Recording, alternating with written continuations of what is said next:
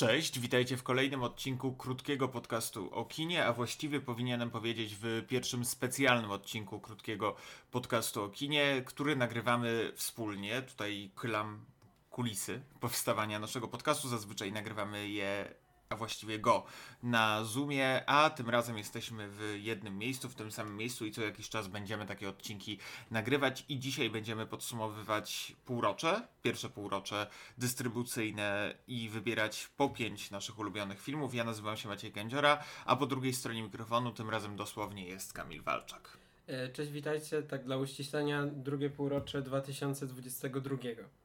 Ale tak. Pierwsze półrocze. Pierwsze półrocze 2022. Tak, tak dla uściślenia. E, oczywiście po 5 filmów, czyli zrobimy takie top 10, ale każdy z nas wybiera po 5 filmów i będziemy przedstawiać je w kolejności. Podstawowe założenia są takie, że oczywiście e, omówimy o filmach, które były wypuszczone w kinie od 1 e, stycznia do 30 czerwca, bo czerwiec ma 30 dni, a dodatkowo na różnych platformach VOD, e, czyli chociażby na HBO Max, które się pojawiło. E, z Disney Plusa nic nie mamy, a także chyba nic nie mamy, tu może Kamil mnie zaskoczy, bo nie znamy swoich list, a także oczywiście na Netflixie, na Amazon Prime.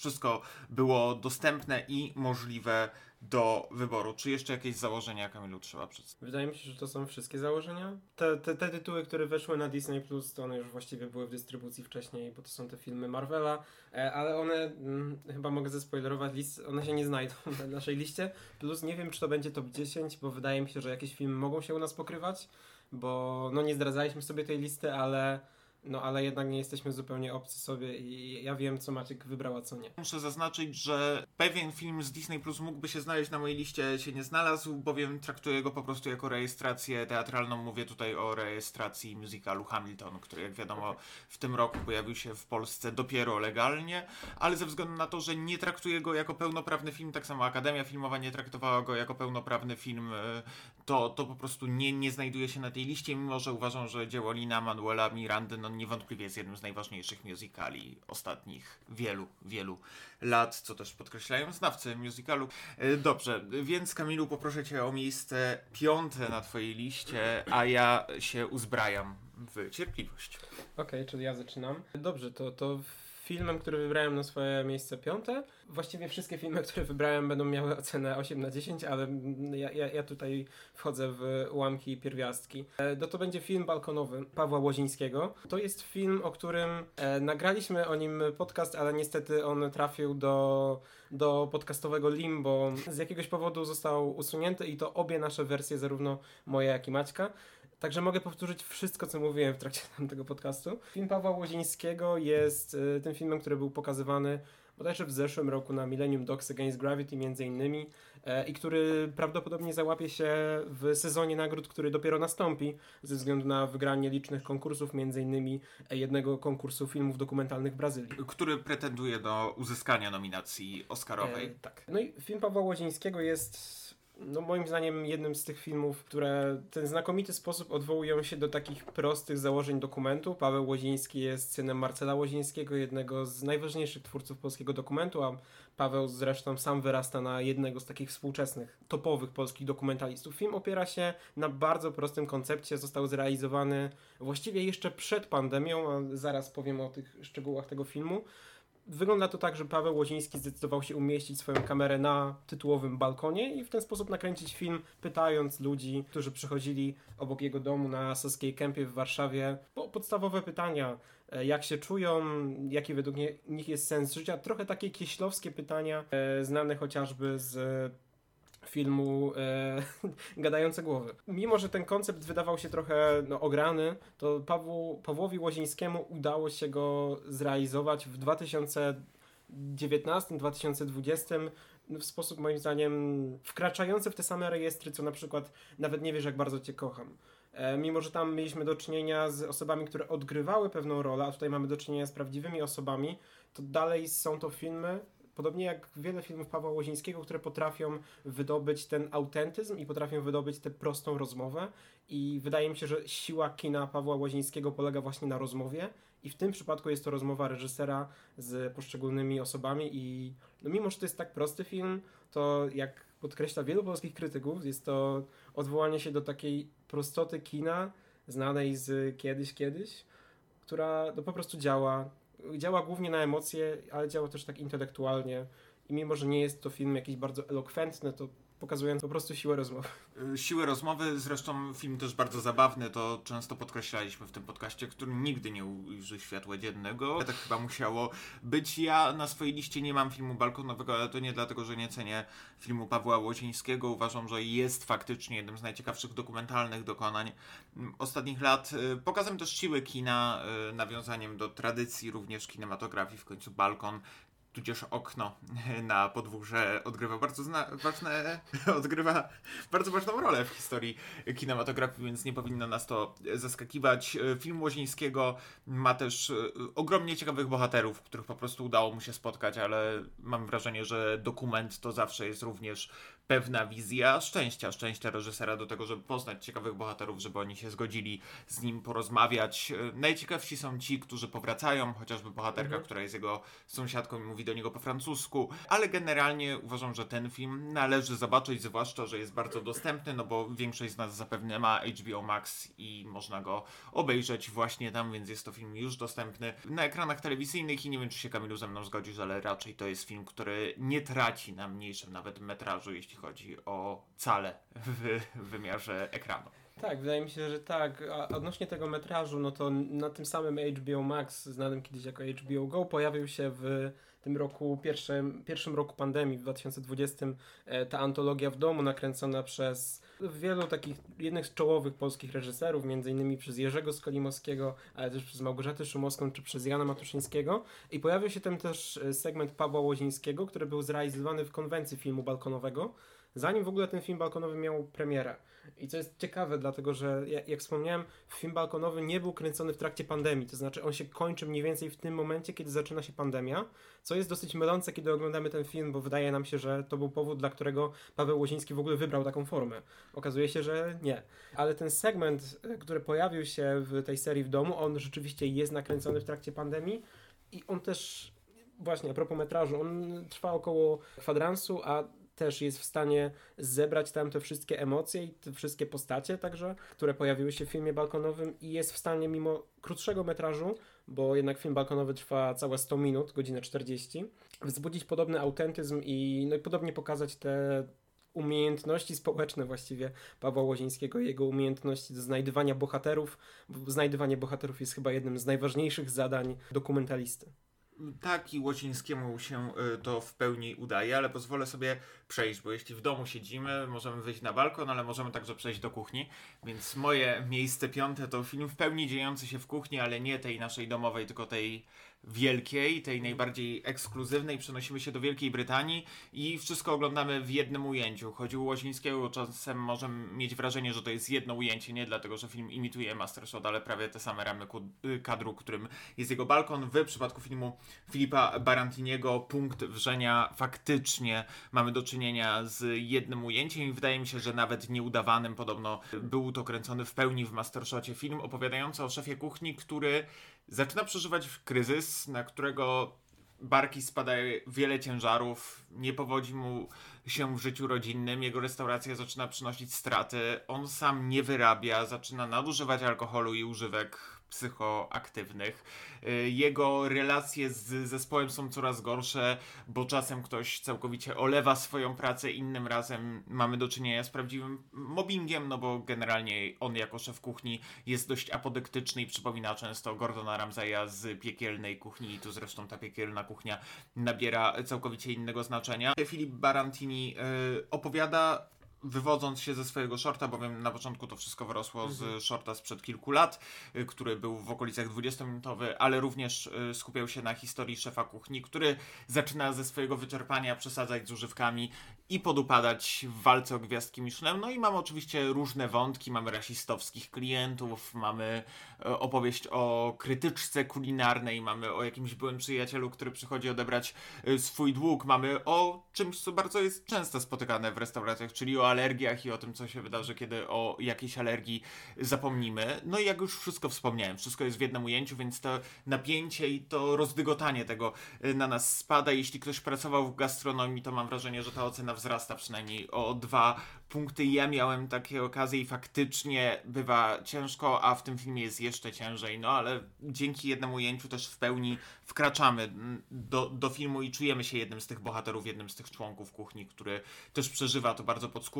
Jest to niesamowity seans. Żałuję, że tylko na VOD, bo mam wrażenie, że w kinie jednak filmy w jednym ujęciu trochę lepiej działają. To jest też to, o czym mówiliśmy zanim, zanim zaczęliśmy nagrywać, to znaczy E, wydaje mi się, że musiałby być trochę inny color grading do, do tego, żeby to się mogło znaleźć w kinie. Poza tym, że nikt by nie poszedł na ten film, e, dlatego że on jednak nie świeci znanymi nazwiskami. E, może świecić jedynie nazwiskiem Stevena Grahama, e, który grał chociażby w filmach Gaia Ritchiego pod koniec lat 90. Tak czy siak e, jest to film utrzymany w dosyć takich ciemnych tonach i to, to nie jest powód, dla którego nie znalazł się u mnie w topce. To znaczy nie znalazł się u mnie w topce, dlatego że mimo, że oczywiście to, co mówi Maciek jest prawdą i też taka próba imitacji akcji w czasie rzeczywistym jest ciekawa, bo właściwie to, to też implikuje Master Shot Choć nie wydawało mi się, żeby ten Master Shot był rzeczywiście takim autentycznym Master Shotem, a to jest akurat e, mniejsza z tym. Problem jaki miałem z tym filmem to to, że on w pewnym momencie trochę wyczerpuje tej swoją energię, to znaczy tę energię, która bierze się z całego stresu, który gromadzi się w pracy w gastronomii, y, interakcjach z klientami, to rzeczywiście było stresujące i pamiętam, że pierwsze podejście do tego filmu u mnie trwało pół godziny, bo bardzo się zestresowałem z dziewczyną, e, więc to były, to były próby, ale niestety ten film potem wchodzi w takie rejestry, aha, w ogóle będziemy spoilerować, nie wiem czy to powiedzieliśmy, e, potem film wchodzi w takie rejestry trochę staczania się głównego bohatera, no i takie schematy, że on się zapija, e, właśnie nadużywa środków psychoaktywnych, po prostu strasznie dużo rzeczy zwala się na niego i no moim zdaniem to już jest takie troszkę pójście na skróty pod względem tego, jak rozwijać ten bohater i że właściwie nie zostaje mu żadna nadzieja. Tak, ale nadal uważam, że to jest. Jeśli chodzi o takie przeżywanie kina, rozmawialiśmy o tym w odcinku, który już nagraliśmy o Elvisie, że gdzieś we mnie przynajmniej jest taka potrzeba przeżywania kina emocjonalnie ostatnimi czasy po, po, po początku pandemii oczywiście i potem jak zmieniło się także kino, to takie filmy, które jakieś, jakoś wpływają na mnie emocjonalnie, tak jak robił to chociażby Top Gun Maverick, e, którego nie ma na mojej liście, ale świetnie się ja na nim bawiłem, to, to mam wrażenie, że właśnie chciałem na tej liście także odnaleźć jeden taki film, który może nie jest stricte arthouse'owy, tylko spokojnie mógłby być w głównym nurcie. Oczywiście nie jest w głównym nurcie przez to, że jest za niski budżet, za mały budżet mhm. robiony I, I, nie ma tych wielkich nazwisk, choć Steven Graham zasługuje na wszystkie laury, bo gra znakomicie i nosi na swoich barkach ten film. Jest to mhm. świetna rola. Też, też w kinie brytyjskim, które lekko, po, mam przynajmniej takie wrażenie, podupada, bo nie dochodzą do nas głosy o wielkich arcydziełach kina brytyjskiego w ostatnich kilkunastu latach, od kiedy Ken Loach trochę zmniejszył intensywność swojej pracy, a cenzor choć jest bardzo intrygującym filmem, nie przekonał mnie do końca ten brytyjski horror o brytyjskiej cenzurze, to mam wrażenie, że właśnie Punkt Wrzenia jest być może jednym z najlepszych filmów brytyjskich, jakie widziałem w ostatnich latach i cieszę się, że trafił do nas chociażby za pośrednictwem HBO Max, więc jeśli nie widzieliście, to zróbcie to koniecznie, no bo też ten film trochę bez echa przeszedł, bo nie miał żadnej dystrybucji, żadnego bazu, a chyba wypadałoby, żeby był. Y, nie wiem, Kamilu, czy masz baza Astrala natomiast na swojej liście. E, nie mam ani Baza Astrala, ani filmu Baza Lurmana, e, to znaczy Elvisa nie mam, ale za to mam na czwartym miejscu Małą Mamę. E, Selin Siamy. Jest to film, który prawdopodobnie znajdzie się też u Ciebie, ale nieco wyżej. U mnie to jest, no, u mnie to jest ta ocena także ósemka, ale miejsce czwarte. Nie uniżając niego, nie infantylizując go, przeuroczy.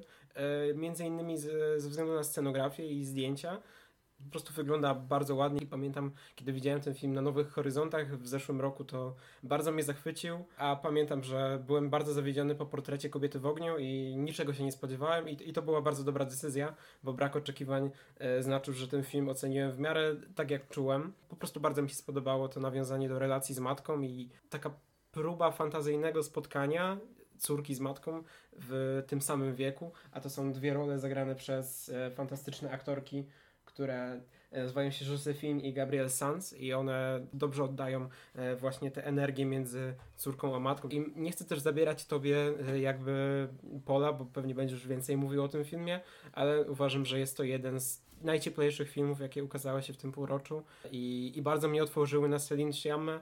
Ja pozwolę, że pozwolisz, że o Małej Mamie powiem wtedy, kiedy idziemy do mojego miejsca na, na liście. Nie, nie będę teraz nie. się nad tym filmem rozwodzić, ale wspomniałeś o małych oczekiwaniach, no i nie ukrywam, że zazwyczaj rozmijam się z poetyką szeroko pojętego kina azjatyckiego, jeśli chodzi zawsze o Daleki Wschód, czyli, czyli chociażby z poetyką filmów japońskich, mm. chińskich, też dlatego, że nie znam się, nie znam y, się na kulturze Azji, przez to mam wrażenie, że trochę się rozmieniam emocjonalnie z tymi filmami, ale były dwa filmy, które w tym roku mnie zaskoczyły i jeden z nich się znajduje na tej liście. Mówię o dwóch filmach reżysera, czyli oczywiście o Rysuke Hamaguchim, który wszedł w tym roku dwukrotnie do polskich kin. E, myślałem, który film wybrać i choć w pętli ryzyka i fantazji ma część nowel znakomitych, to mm. jednak niewątpliwie takim kompletnym dziełem, mam wrażenie, jest jednak Drive My Car, czyli film, który mnie zaskoczył, mimo tego, że ludzie mogą go nazwać slow cinema, choć uważam, że on jest daleki od slow cinema. On jest kinem bardziej przegadanym i faktycznie jest nieśpieszny, ale w tej nieśpieszności raczej skupia się na dialogach, na ich przeżywaniu, na przeżywaniu także wujaszka Wani, który pojawia się mhm. jako ważna część fabuły, bowiem główny bohater jest reżyserem teatralnym, któremu umiera żona i on decyduje się wystawić wujaszka Wanie i zaczyna pracować nad tym, żeby go dobrze wystawić. Pojawia się w tle Hiroshima. Mamy nawiązania, mam wrażenie, a przynajmniej ja sobie roszczę y, wyłapywanie tych nawiązań do Hiroshima, mojej miłości Alana René w tym filmie, no to chociażby tematycznie. Znakomicie zagrany film, znakomicie napisany, przepięknie nakręcony, bo te zdjęcia u Hamagusiego faktycznie imponują, inspirują. I mam wrażenie, że jest to jednak film bardzo mocno emocjonalny, choć te emocje są czasem internalizowane przez bohaterów, zarówno przez głównego bohatera, jak i główną bohaterkę, czyli szoferkę, która wozi go Y, jest wynajęta przez teatr, bo on nie może, żeby, żeby nie, nie spowodować wypadku, bo chcą, żeby przeżył. I jest to gdzieś niesamowity film, który też oczywiście nie bez powodu, mam wrażenie, przemówił do Akademii Filmowej Amerykańskiej, pokazując, że, że jest bardzo uniwersalny i mimo tego, że jest niewątpliwie arthouse'em także przez czas trwania, choć ten czas mhm. trwania w tym roku jest niesamowicie długi w większości tych filmów, to, to faktycznie może nas zainspirować i powoduje, że znalazł się na czwartym miejscu na mojej liście. Ja bardzo długo go unikałem, mhm. bo bałem się, że nie trafi do mnie, bo nie lubię wolnych filmów, nie lubię kina e, aż tak długiego, zawsze bałem się po prostu Drive My Car, okazało się, że niesłusznie, no bo znajduje się na tym miejscu czwartym, ale być może jak u Kamila małe oczekiwania powodują, że te filmy mi się aż tak bardzo podobają. Znaczy, no wydaje mi się, że jednak wobec Drive My Car ciężko było mieć małe oczekiwania, bo był to film mega hypowany, e, zwłaszcza po Kanu w zeszłym roku. E, z którego wyszedł, wydaje mi się, na podobnym poziomie co Płomienie Lee Chang-donga przed paroma laty, to znaczy był uznawany za jeden z najlepiej ocenianych filmów danego konkursu głównego w Cannes. E, I rzeczywiście ja, ja sobie zrobiłem e, taki podwójny seans Ryusuke Hamaguchiego i najpierw obejrzałem w Pętli Ryzyka i Fantazji, potem Drive My Car i rzeczywiście oba te filmy mnie z, z jednej strony zaskoczyły, ale chyba bardziej po prostu zachwyciły. I wydaje mi się fantastyczne to, jak Ryusuke Hamaguchi właściwie wszedł do takiego do takiej absolutnej top tier e, reżyserów kina światowego. Jakkolwiek on wcześniej nakręcił oczywiście e, Asako Dzień i Noc czy Happy Hour, które również jest takim bardzo długim filmem trwającym około 4 godzin.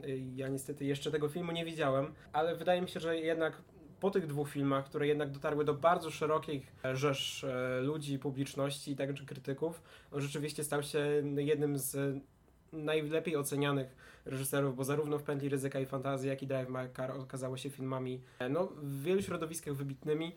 E, jeśli chcecie więcej się dowiedzieć o, tych, e, o tym filmie, między innymi o Drive My Car, to świetne materiały ma Łukasz Majkowski, który jest specjalistą od tego typu kina, to znaczy od kina japońskiego, dlatego że Hamaguchi jest przedstawicielem kina japońskiego i też stąd wynika nasz, nasze powstrzymywanie się, nasze restrykcje, dlatego że bardzo łatwo jest pomylić się, jeśli chodzi o tak inną kulturę jak kultura japońska czy koreańska, w której często operuje właśnie Łukasz Majkowski czy ogólnie przedstawiciele y, festiwalu Pięć Smaków. E, stąd jakby nie, uznawa- nie uznajemy się za jakichś y, ekspertów, ale jak najbardziej filmy mogą nam się podobać i, i on również był bardzo wysoko u mnie. Niestety nie dostał się do pierwszej piątki, ale wydaje mi się, że to miejsce u Maćka jest jak najbardziej zasłużone i jeśli ktoś jeszcze nie widział, to, to ba bardzo warto zobaczyć. Zwłaszcza, że jest już legalnie na polskich VOD do zobaczenia, więc namawiam. A teraz chyba znowu ja. Na moim trzecim miejscu jest film Mary Gyllenhaal. To jest właściwie debiut Mary Gyllenhaal. Jest to film, który ja widziałem na, amerykański, na American Film Festival w zeszłym roku. I film, którego ja jeszcze nie widziałem. O, Macie, te, te, tego nie wiedziałem. E, To czemu nie widziałeś tego filmu, Macie? E, To, to jest e, rzeczywiście jeden z tych filmów, który najbardziej mnie zachwycił w zeszłym roku i na takich nieoficjalnych topkach znajdował się w topce z zeszłego roku, ale no z racji tego, że dystrybutor Velvet Spoon wypuścił to dopiero w tym roku, no to znajduje się w mojej topce półroczo.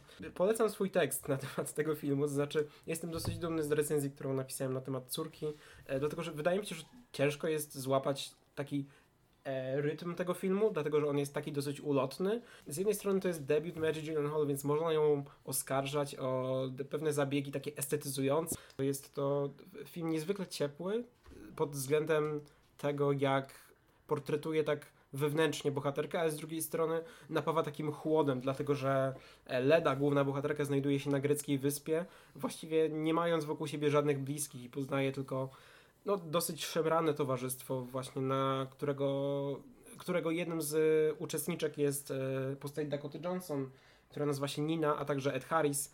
Po prostu znajduje się w środowisku, które nie jest dla niej zbyt przyjazne, a ona znajduje się w dużej odległości od swoich córek, które właściwie opuściła przed wieloma laty, kiedy jeszcze grała ją inkarnacja Jessie Buckley. Wydaje mi się to film niezwykle poruszający, także pod względem tego, że jest debiutem Mary Gyllenhaal, która w, wydaje mi się w sposób intuicyjny potrafiła dotrzeć do takiej odpowiedzi, która nie jest zupełnie oczywista w kinie. To znaczy, że być może kobieta nie powinna w ogóle poczuwać się do macierzyństwa i że instynkt macierzyński w ogóle nie istnieje. I nie każdy jest przeznaczony do tego, żeby realizować się, no poza tym, że jako kobieta w swojej karierze, to jako matka. Bo właśnie taki problem e, napotyka Leda, która no po prostu zajmuje się tłumaczeniem literatury włoskiej, e, literatury angielskiej na włoski, a nie spełnia się jako matka, nie czuje tego. I wydaje mi się, że ten głos ze strony Mary Gyllenhaal jakkolwiek nie jest potępiający, nie jest antynatalistyczny, ale wydaje mi się na tyle czuły i zrozumiały wobec bohaterki, że to jest no naprawdę jeden z najlepszych filmów, jakie widziałem w zeszłym roku i, i bardzo go polecam. A e, właśnie go zaspoilerowałem trochę Maćkowi, za co przepraszam. Y, Nie, dobrze, w sensie ja się nie boję spoilerów, a tym bardziej muszę wreszcie go nadrobić. To zawsze tak bywa, że czasem na jakieś filmy bardzo czekamy. Ja na córkę bardzo czekałem, mm, ale z powodów różnych opóźnień, sytuacji pracy nad legendarnym już i owianym mistycyzmem licencjatem nie mogłem, nie mogłem e, na niego się załapać, ale na pewno będę nadrabiać w pierwszej możliwej okazji. Miejsce trzecie to film, o którym rozmawialiśmy. W przypadku pozostałych moich trzech miejsc mogę zaspoilerować, że tak będzie, a nie dlatego, że żadnych innych filmów nie widziałem, tylko faktycznie te filmy mam wrażenie najbardziej ze mną rezonowały. Miejsce trzecie to Joachim Trier i Najgorszy Człowiek na świecie czyli film, który był nominowany za scenariusz za najlepszy film nieanglojęzyczny do Oscarów w tym roku. Nie wygrał, ale za to wygrał moje serce i y, opowiedział chyba historię o tym, jak trudno jest się odnaleźć we współczesnej rzeczywistości. I o tym często rozmawialiśmy, długo rozmawialiśmy również w kontekście właśnie podcastu o najgorszym człowieku na świecie. I uważam, że po pierwsze nie chcę się powtarzać z tym, co mówiliśmy już w podcaście, bo warto go przesłuchać, mam wrażenie, bo, bo jest to jedna z takich najszerszych rozmów o różnych kontekstach, które się pojawiają u Triera. Ale też Trier udowodnił, że jest jednym z najważniejszych e, filmowców. Mam nadzieję, że podobnie będzie ze Skielem Wojtem, czyli jego współscenarzystą. Niedługo będzie można Niewiniątka zobaczyć na ekranach kina. Już teraz są pokazy przedpremierowe, kiedy nagrywamy. Więc wydaje mi się, że a przynajmniej ja chcę w to wierzyć. Jest to film, który z nami zostanie na dłużej i który wywoła ogromną rzeszę dyskusji, już wywoływał, już polaryzował. I mam wrażenie, że ta polaryzacja w kontekście traktowania chociażby głównej bohaterki, poglądów, ja jej kibicowałem, ale wiem, że są też antypat- ludzie, którzy antypatycznie patrzą na główną bohaterkę, nie, nie lubią, nie rozumieją jej zachowań, e, mimo tego, że cenią znakomite aktorstwo Renate Reinsve, którą mam nadzieję rozpocznie na nowo swoją karierę aktorską, nad którą się zastanawiała. No nie chcę się bardzo powtarzać, ale naprawdę jeśli ktoś nie widział najgorszego człowieka na świecie, to uważam, że to jest jeden z najważniejszych filmów, jaki wyszedł w tym roku. Zwłaszcza jeśli jesteście nawet nie tyle młodsi, co mam wrażenie zagubieni w obecnej rzeczywistości, trochę próbujący y, zobaczyć film, który nie jest dokładnie taki jak my, jakby to powiedziały memy o Ryanie Goslingu, ale być może próbuje zrozumieć, jacy my tak naprawdę jesteśmy i jakie są nasze problemy i jakie są nasze aspiracje, które wewnętrznie ukrywamy. No niewątpliwie jeden z najważniejszych filmów tego roku.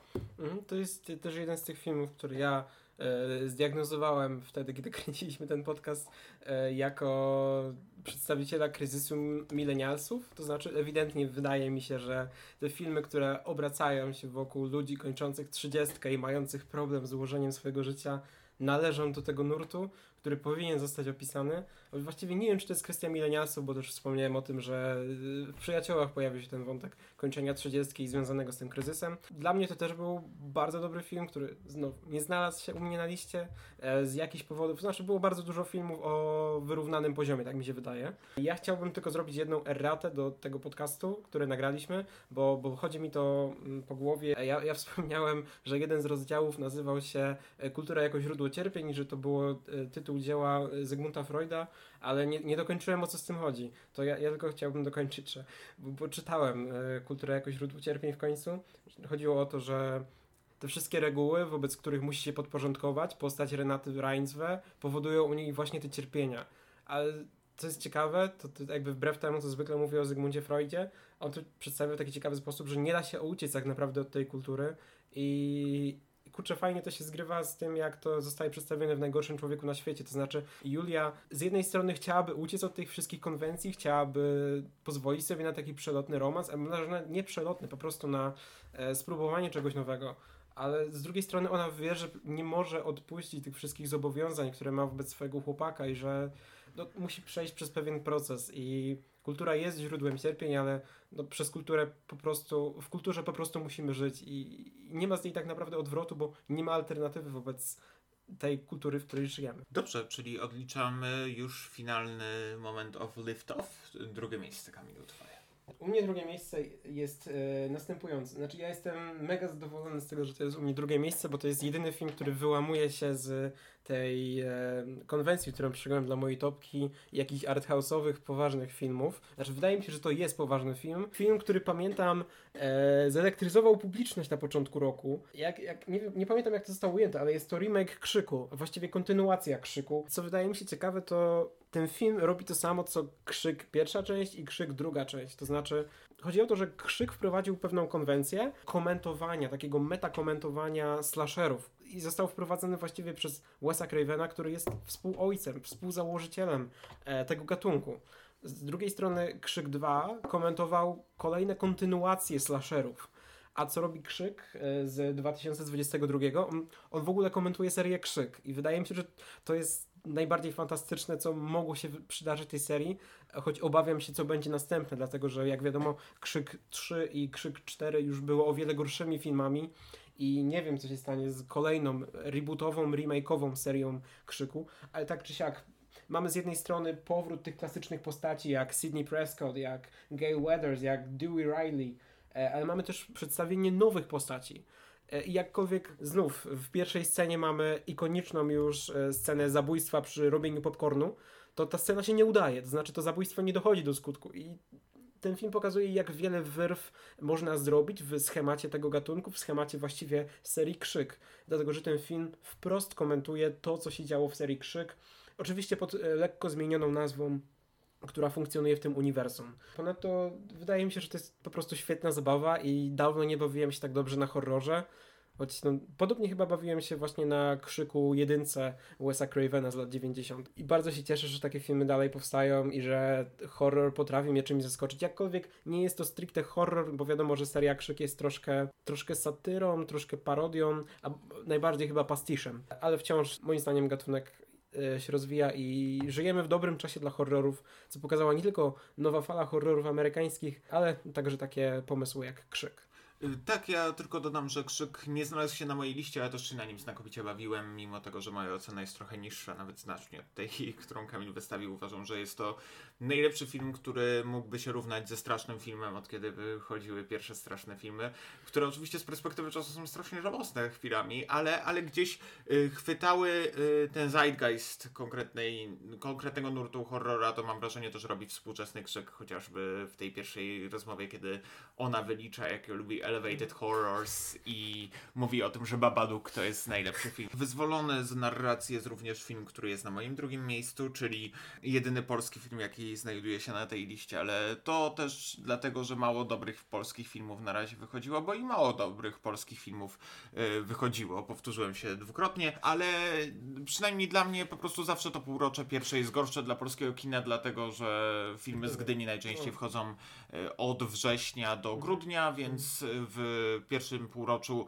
raczej nie uświadczamy. No to był film balkonowy, który też się gdzieś pojawił w moich y, rozważaniach. To oczywiście też zachwycała nas serial, który omawialiśmy, czyli Planeta Singli, przynajmniej część epizodów była Mhm. uważam bardzo, bardzo ciekawa i intrygująca, a jeden z tych epizodów nakręciła Aleksandra Terpińska, no i na drugim miejscu bez zaskoczenia inni ludzie mm, Aleksandry Terpińskiej, czyli adaptacja Doroty Masłowskiej, film, który wygrał również Wielkiego Jantara nie tak dawno na festiwalu Młodzi i film w Koszalinie, czyli film, który po prostu adaptuje poemat rapowy Doroty Masłowskiej, o którym bardzo szeroko omawialiśmy i rozmawialiśmy w naszym podcaście, więc chcę do niego odesłać, ale faktycznie no po prostu warto czekać na innych ludzi, mam wrażenie, warto tego wypatrywać, yy, zwłaszcza, że obecnie Warner zapowiedział, że wycofuje się z tych patronowania produkcjom rodzimym, więc mam nadzieję, że to nie będzie jedyny film wyprodukowany przez Warnera i nie dlatego, że jakoś wielbię tą firmę produkcyjną, tylko mam wrażenie, że po prostu Warner może dać większy budżet na ten film, a w przypadku takiego projektu jak inni ludzie ten budżet był potrzebny, żeby móc zaprosić tak znakomite grono aktorskie, y, chociażby wybitne role Magdaleny Koleśnik, Jacka Bellera oczywiście,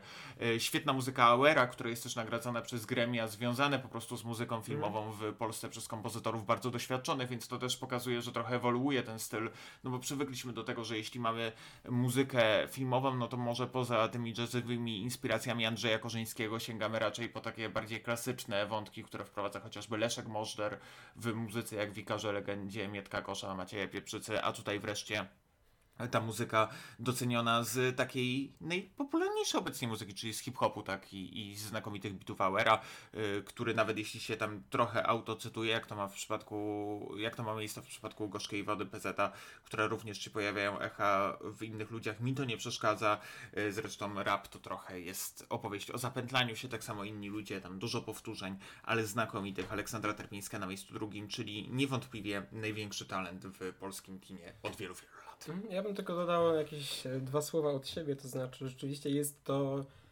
bodaj jedyny polski film, który tak naprawdę ma flow. To znaczy omawialiśmy w przypadku, e, w przypadku innych ludzi także inne produkcje, które trochę nawiązują do raperskich biografii między innymi, ale też dokumentów, chociażby Ewenement Molesty. To, to jednak te filmy nie, ma, nie miały tego flow, jaki ma film Terpiński. To znaczy one się nie utrzymywały. Nawet kiedy pojawiały się pewne kawałki, czy to w przypadku Jestem Bogiem, czy Ewenementu Molesty, e, czy, czy także e, tego filmu o Tomaszu Hadzie, przypomnij, Proceder. czy w przypadku procederu, to kurczę, bardzo często te filmy wytracały swoją energię, wytracały swoje flow i nie potrafiły płynąć z tym. I wydaje mi się, że ten film miejscami po prostu przebija to, co zrobiła Masłowska e, w samym swoim poemacie, bo jak tak teraz patrzę na ten poem, poemat e, z perspektywy czasu, to to lepiej mi się myśli o filmie. To znaczy, w wersji filmowej to trochę lepiej wchodzi, ale wydaje mi się, że ta, ta produkcja Terpińskiej będzie się bronić i będzie się bronić też po latach i będę do niej wracał. Yy, miejsce pierwsze.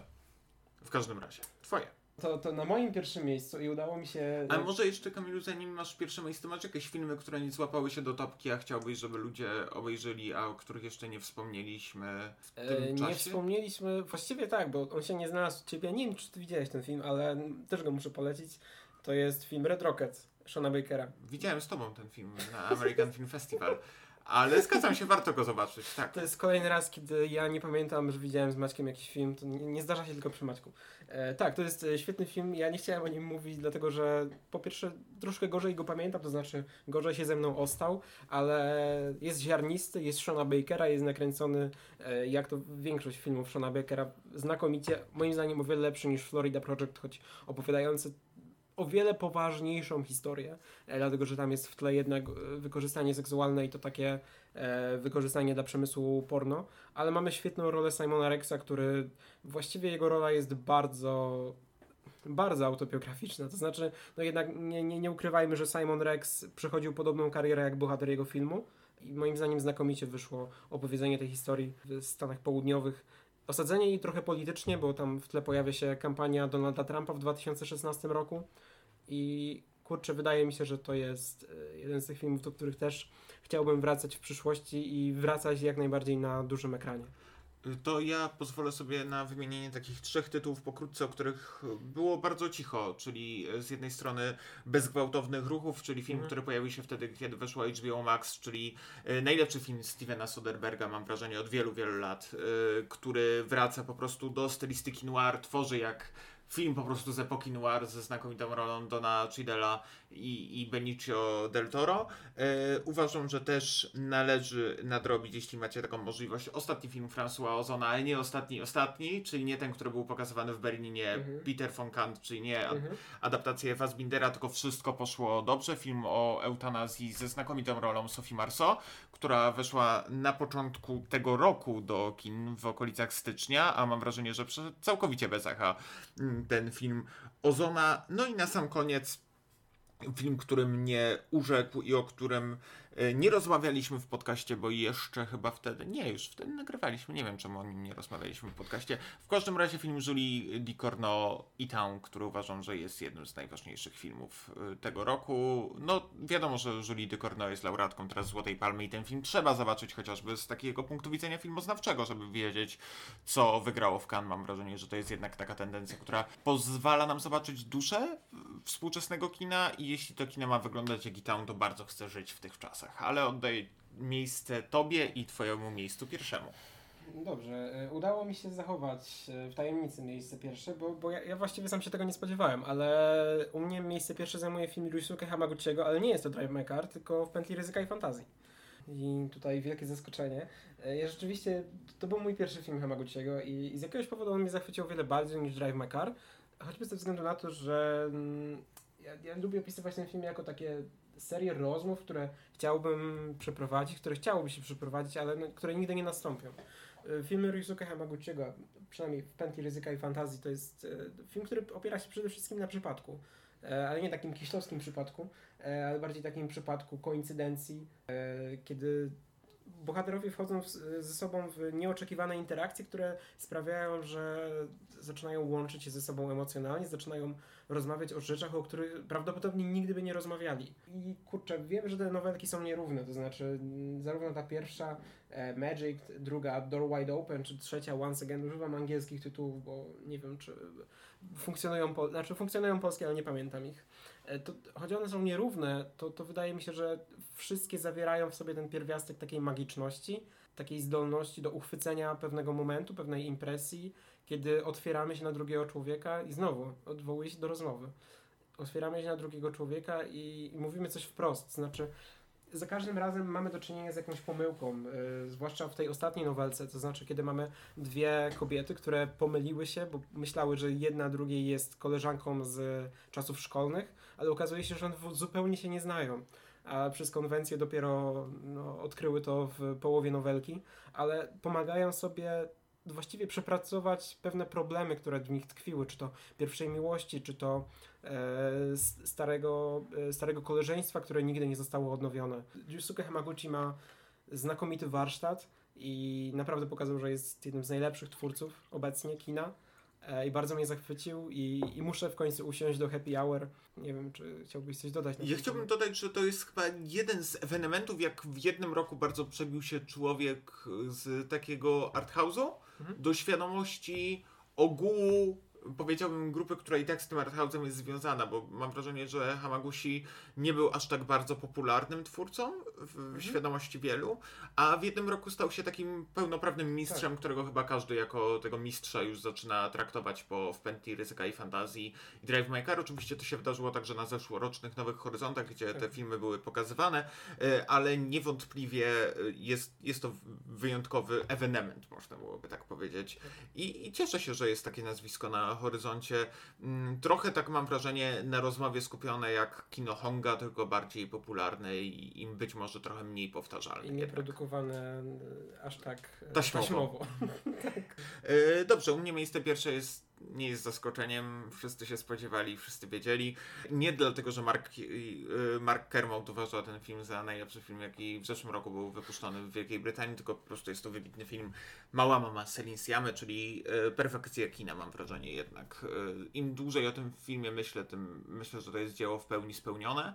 I rzadko kiedy możemy powiedzieć o filmach w pełni spełnionych, a mam wrażenie, że w przypadku Małej Mamy tak jest. W przypadku Małej Mamy mamy wreszcie do czynienia z filmem i nie jest tak, że uważam, że te kino takie powinno być, ale uważam, że jest to magiczny element kina, y, gdzie kino powinno i potrafi być dla całej rodziny, a mam wrażenie, że jest to film, który można obejrzeć spokojnie całą rodziną, w jakiś sposób porozmawiać, nauczyć się czegoś, jest znakomitym kinem familijnym, ale jednocześnie kinem familijnym, które jest kinem familijnym pokroju Franka Capry, czyli z jednej strony jest y, skierowany do całej rodziny, czego się uczy, ale z drugiej strony nie, nie jest y, dydaktyczne, nie, nie czyta się tego jak jakiejś takiej notki szkolnej, tylko empatyzuje nas. No, Roger Ebert miał jeden cytat, który zawsze powtarzam i który mi gdzieś przyświeca, że kino to jest maszyną do uczenia empatii. Mam wrażenie, że jeśli coś ma nas uczyć empatii, no to robi to właśnie Selin Siama, zwłaszcza w tym filmie.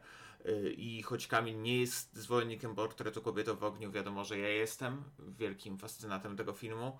E, i uważam go za arcydzieło, ale nie boję się powiedzieć, że to jest jedna z niewielu reżyserek, która ma na swoim koncie dwa arcydzieła już w tym momencie i dwa w pełni spełnione filmy. Nie tak, że nie lubię jej wcześniejszych dzieł, choć uważam, że Gerhard jest nieudanym projektem. Sceny tak tanecznej z Diamond z Riany, która, która uważam, że jest bardzo ładnie zrealizowana, kropka, a także Lili Wodnych, które są bardzo dobrym filmem. Ale niewątpliwie dwa, dwa arcydzieła, przynajmniej dla mnie, wiem, że tak mi da jedno, bardzo dobre dzieło. Ja zawsze mam, mam pewne sceptyczności wobec nazywania czegoś arcydziełem, bo arcydzieło to na popularnym serwisie e, agregacyjnym e, polskim dla filmów e, to znaczy dziesiątka, a ja tej dziesiątki nie, nie wystawiłem. I ja dałem dziewiątkę, żeby nie było, ale no to... uważam, że to jest film w pełni spełniony w tym, co chciał osiągnąć. A to tak, no to się zgodzę. Na pewno bardziej. Oczywiście też myślę, że to jest też taki dobry moment, żebyśmy kilka refleksji po tej liście na te półrocze przedstawili, co, co nas spotkało w kinie, no bo wiadomo, że na tej liście się nie zamyka wszystko. Pozwolę sobie zacząć. Yy, yy, po pierwsze mam wrażenie, że ten film, mimo że polecam każdy film z listy, którą wymieniłem, nadal nie ma, być może poza mało małymi innymi ludźmi, ale to, że jest doświadczenie zeszłoroczne, tak, no bo mm. innych ludzi pierwszy raz widziałem w Gdyni, małą mamy widziałem na Nowych Horyzontach nie było filmu, który wstrząsnąłby mnie tak, że chciałbym do niego wracać, powtarzać, yy, który, który jakoś by mnie uformował. Mhm. Bardzo mi tego brakowało, na razie tego doświadczenia kinowego. Oczywiście spoilerując przyszłoroczną topkę, w sensie tą topkę, którą zrobimy pod koniec roku, jeden film na pewno się na niej znajdzie, który już widziałem na festiwalu w Cannes i uważam, że jest filmem wybitnym.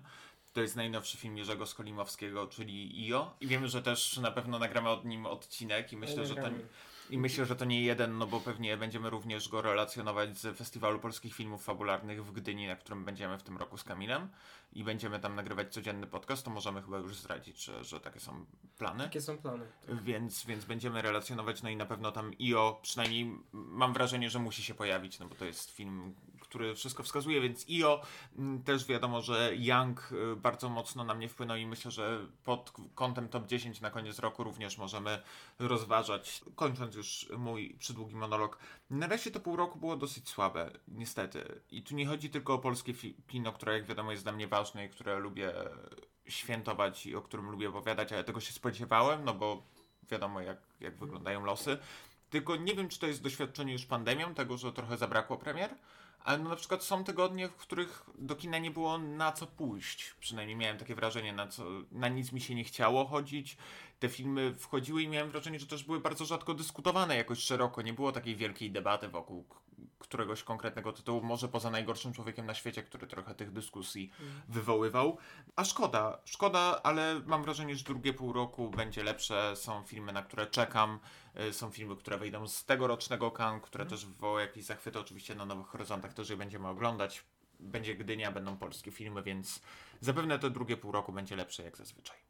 Wydaje mi się, że to jest po części kwestia tego, jak wygląda ten proces dystrybucji, przynajmniej taki, który się ukształtował.